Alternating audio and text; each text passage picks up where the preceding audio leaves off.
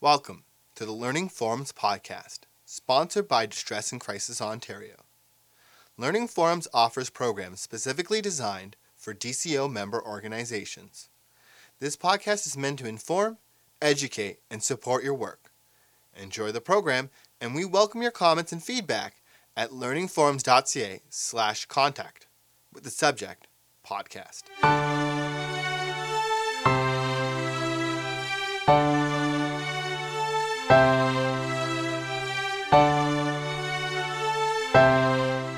Morning. Uh, my name is Suzanne Nurse, and I work with Epilepsy Ontario. And my role with Epilepsy Ontario is as an information specialist, which is um, sort of a pretty broad sort of area, but I do, um, in, for the most part, spend most of my day speaking to individuals who either have epilepsy or have a family member with epilepsy. And so a lot of what I do is to help answer questions that people might have, either related to seizures or their diagnosis, or to help them find information to specific questions that they may have. And those questions can be extremely variable because epilepsy itself is a very uh, wide spectrum condition in terms of the types of um, disorders people might experience and the impacts that it may have on their life.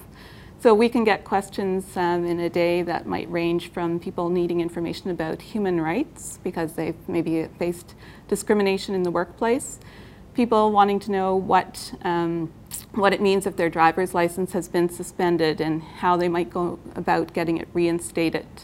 Uh, people who may need support to be able to understand how somebody might qualify for disability support, uh, whether it's a program like uh, the Ontario Disability Support Program or perhaps short term or long term disability through their employment. Or maybe a parent who's um, advocating for their child in the school system because they feel that their child is not getting the proper supports.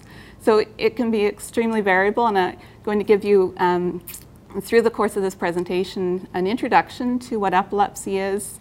Um, certainly, we won't be able to go in depth because epilepsy is a very complex and variable type of condition, but to give you an overview and an introduction as to what epilepsy is, you have a, a better understanding of the types of conditions that people with epilepsy may have and how it may affect their life day to day. So, in order to um, begin talking about epilepsy, it's really important to have an understanding, first of all, of what seizures are. And many people uh, will recognize the term seizures. We often use that word in day to day life, where you may have come across an incident on maybe a TV show or a movie, or read something in a book, or heard about a seizure either through somebody you know or um, uh, through a colleague.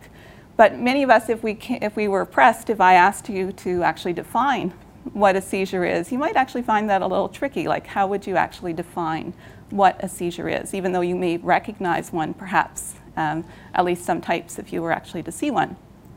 And what a seizure is, is a temporary uh, change in the function of the way that the brain cells uh, that are in our, in our brain are sending their signals or messages. And we all know that within our brain we have cells called neurons, and they work by sending messages, sending electrical messages from one cell to another. And all of the things that our brains do, whether it's taking in information um, through our senses, whether it's thinking about something, remembering a favorite song, uh, processing information, remembering an incident that happened last night, planning for the future, or deciding that you're going to make a cup of coffee or pick something up off your desk everything that you do is controlled by your brain, and your brain does that by sending messages. When somebody has a seizure, what happens is there is a temporary dysfunction in the way that the cells are generating their electrical signals, and a large group of cells start to send messages sort of in a hypersynchronous way. So it's not unusual for cells to work together, and that's very important for brain function. But when a large group of cells start to generate signals in what is often referred to as hypersynchrony, because there's a very large group of cells that are suddenly sending messages and generating their signals together, it, that is an unusual way for the brain cells to start sending messages, and it disrupts temporarily normal brain function. And that is, in essence, what happens when somebody has a seizure. Now, that description doesn't really give you a very good idea of what it might do to an individual when they do have a seizure. Because you really need to understand what's going on, where in the brain the seizure is happening, to have a better understanding of what it might do when somebody has a seizure. So I'm going to show you uh, just using this model of a human brain, and so it's a half brain. So we're half brain today. And I'm going to show you using this model that has different colored areas on it, what some of the different parts of the brain do. And that might help to give you a little bit of an idea as to what might happen when somebody has a seizure. If you look at this model, uh, there are two areas that are strips of brain tissue that are here around the middle part of the, of the cerebral cortex. And this reddish strip right here is often referred to as the motor strip. And the cells that are in this part of the brain, their role is to send messages that will then um, be sent out to the muscles in the body and will be responsible for helping to um, make your body move. There are parts of this strip that are dedicated to different parts of the body. So, some parts that will control the muscles in the hand. There are parts of the strip that would control muscles in the face, and parts of the strip that would control muscles in the leg. If, for example, somebody had a seizure and the disruption in brain activity was happening within this part of the, of the brain, within the motor strip, what would happen is there'd be a temporary disruption in the way that those cells are generating signals. And somebody might, for example, this is the right hemisphere, it controls the left side of the body. For example, somebody might have an uncontrollable twitching in their finger because there's a disruption in the brain cells and they're sending this um, hypersynch- hypersynchronous signal for a short period of time, and it might disrupt brain function. The person wouldn't necessarily be able to control the movements of, of their body at that point in time. But that might be all that would happen when they have a seizure. There are other parts of the brain that have other functions. At the back of the brain, this purpley area is responsible for vision, and it's called the occipital lobe. If somebody was to have a seizure and it was coming from that part of the brain, they might have some sort of visual disturbance. Um, maybe see colored circles or colored lights, or something that isn't necessarily there, but it would be this disturbance in visual function for a short period of time, and that might be what their seizure is. This part of the brain right here, this yellowy area, is called the temporal lobe, and it's actually a part of the brain um, in terms of this cortical area This temporal lobe is quite seizure prone, so it's not uncommon for people who have seizures for the seizures to originate in the temporal lobe of the brain. And the temporal lobe has a number of different functions. It has a, um, a role in auditory uh, function, so our hearing. Uh, it also has a role in language and in memory.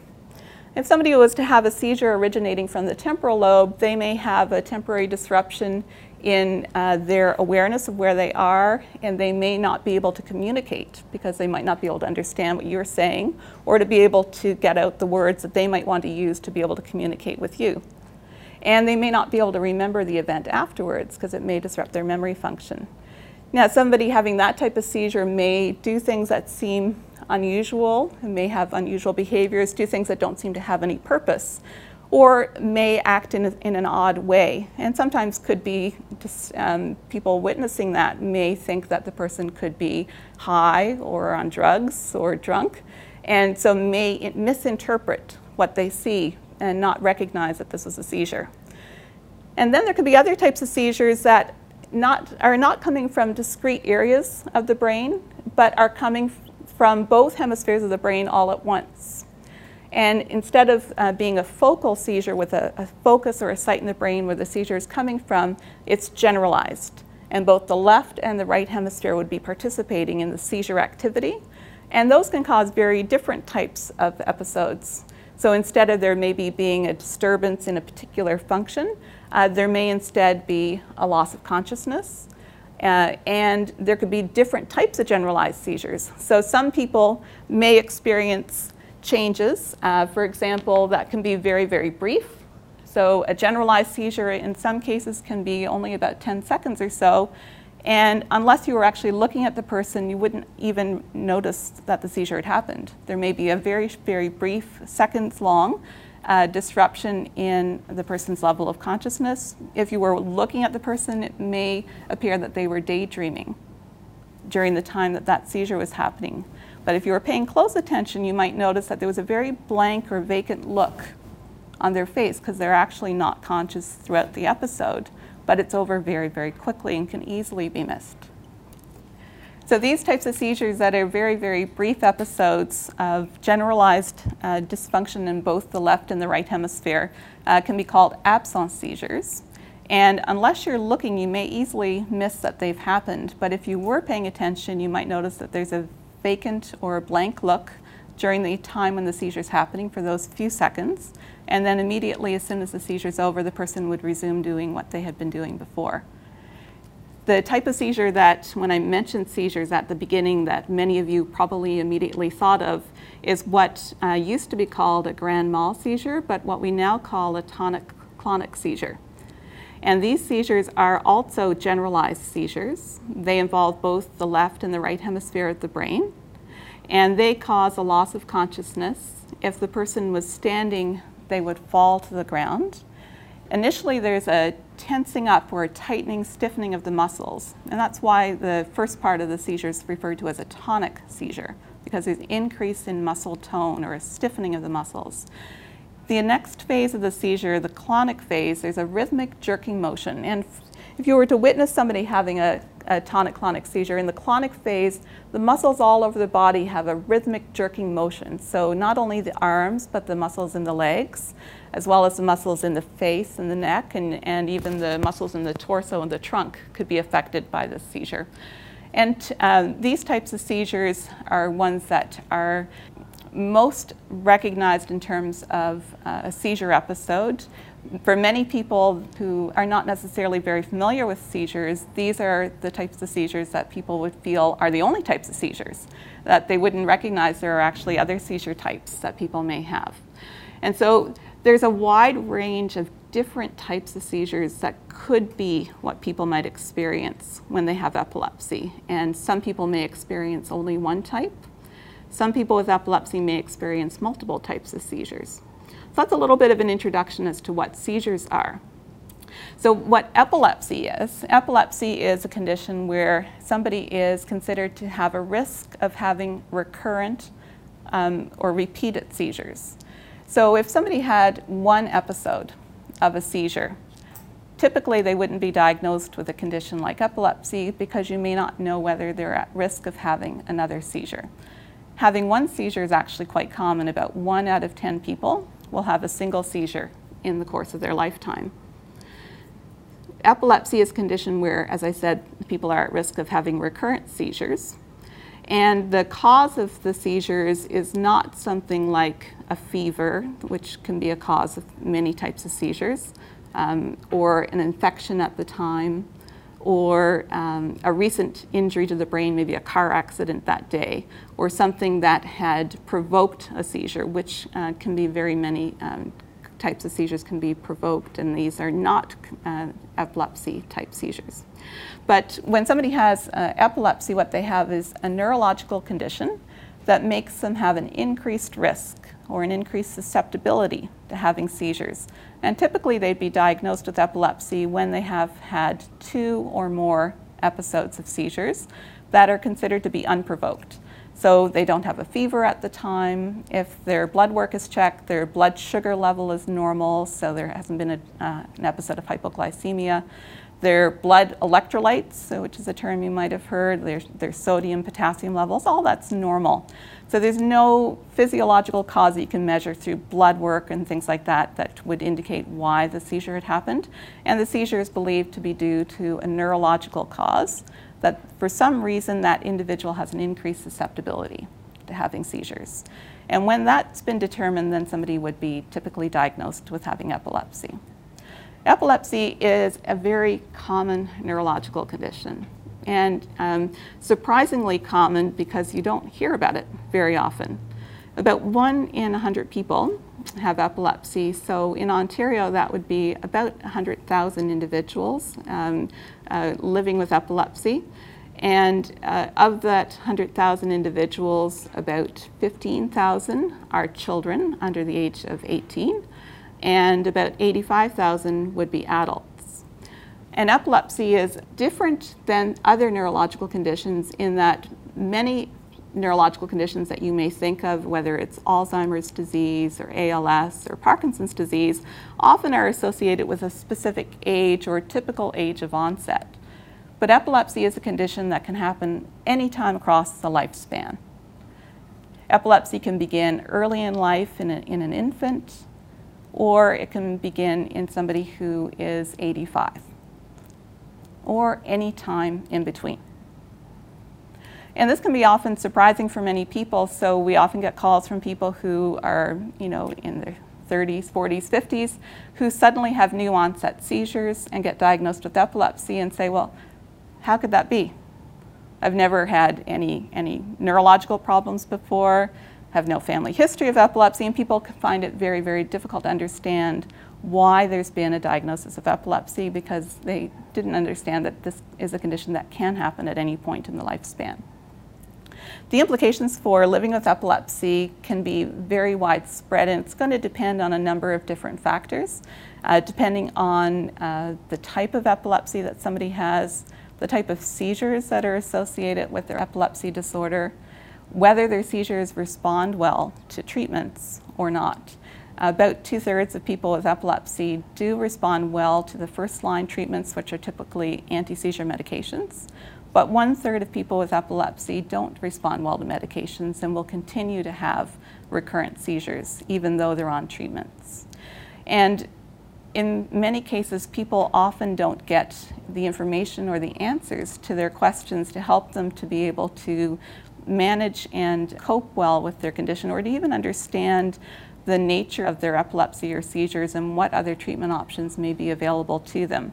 And that's one of the roles that uh, epilepsy agencies in the province can play uh, in terms of helping to uh, provide information to people who are living with epilepsy to explain what different types of seizures may be and to help them to frame what types of questions they may have for their healthcare providers when they go for their next appointment. So if they're not responding well to medication, what other options are there? What sorts of requests or uh, questions should they be asking?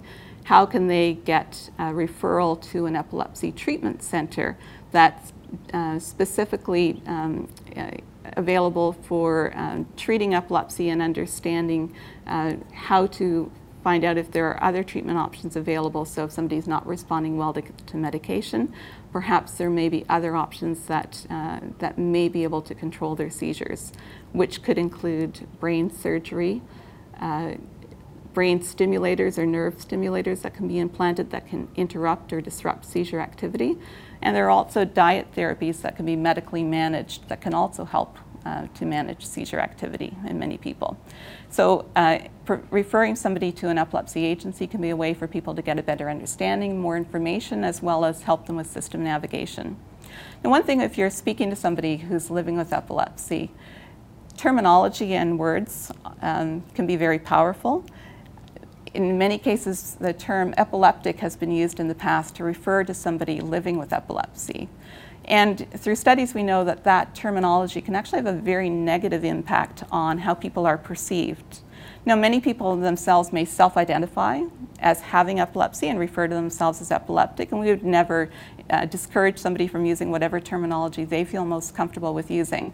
But when we speak to people living with epilepsy, we always use person first terminology. So, a person with epilepsy, as opposed to calling somebody an epileptic.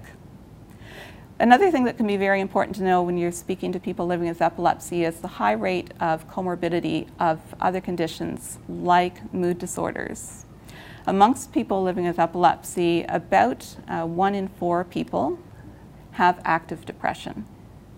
And this can have uh, significant implications on people's quality of life.